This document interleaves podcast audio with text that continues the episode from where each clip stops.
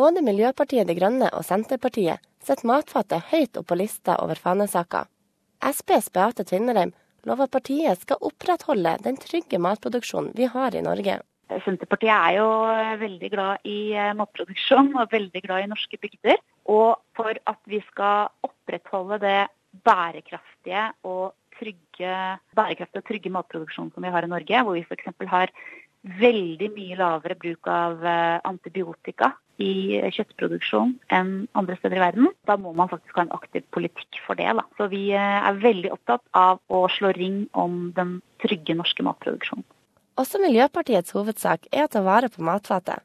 Une Bastholm forteller at nordmenn har begynt å få øynene opp når det kommer til plast i havet, men sier at oppdrettsnæringa også står overfor andre utfordringer, som rømming og lus, noe som påvirker det ryktet norsk sjømat har i utlandet. Det er en viktig sak for oss og en uh, hovedsak i valgkampen sikre rene hav og rene fjorder og et bærekraftig landbruk som også respekterer dyrs egenverdi. Hun mener også at det er på tide at Norge tar sin del av ansvaret når det kommer til de utfordringene verden står over.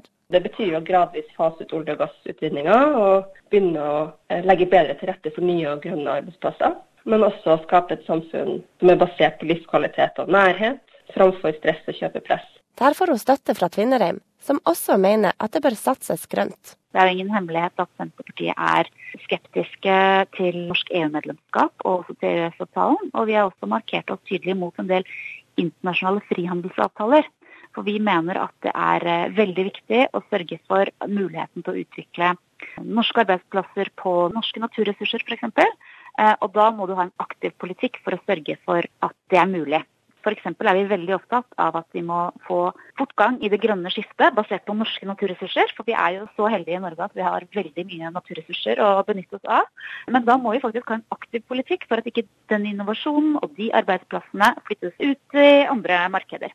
Hun mener deres fokus på det norske er en god grunn for at nordmenn i utlandet skal stemme på Senterpartiet. Eh, jeg syns selvfølgelig at det er mange gode grunner for det. Men hvis jeg skal nevne én, så må det være at Norge er et privilegert land. Det er veldig godt å leve i Norge. Vi har en sterk velferdsstat og like muligheter uansett hvor man bor i, i Norge og hvor rike man er. Eh, det at vi har bygd opp en sånn eh, modell, som man kaller den norske modellen, det er jo noe vi er stolte av når vi er ute i verden. Og den modellen kommer ikke av seg sjøl. Da må man ha en aktiv politikk for å bekjempe de forskjellene som er i ferd med å oppstå. Forskjellene i Norge øker dessverre veldig raskt. Og eh, hvis man er opptatt av å bevare Norge sånn som vi er glad i Jeg har selv studert i utlandet og var stolt av landet mitt. Og hvis man ønsker å bevare de kvalitetene ved Norge, så er Senterpartiet et eh, riktig parti å stemme på. Miljøpartiet på sin side fokuserer globalt en grunn eh, til å stemme på hvis man tror på at framtida ligger i å ta vare på ressursene og ta globalt ansvar. For våre største utfordringer nå er global.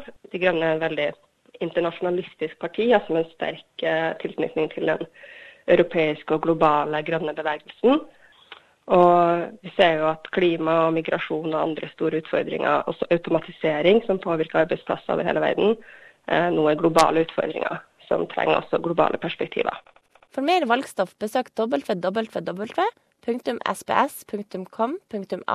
slash Norwegian, eller følg SPS Norwegian på Facebook. På SPS norsk, jeg er Lone Martinsen.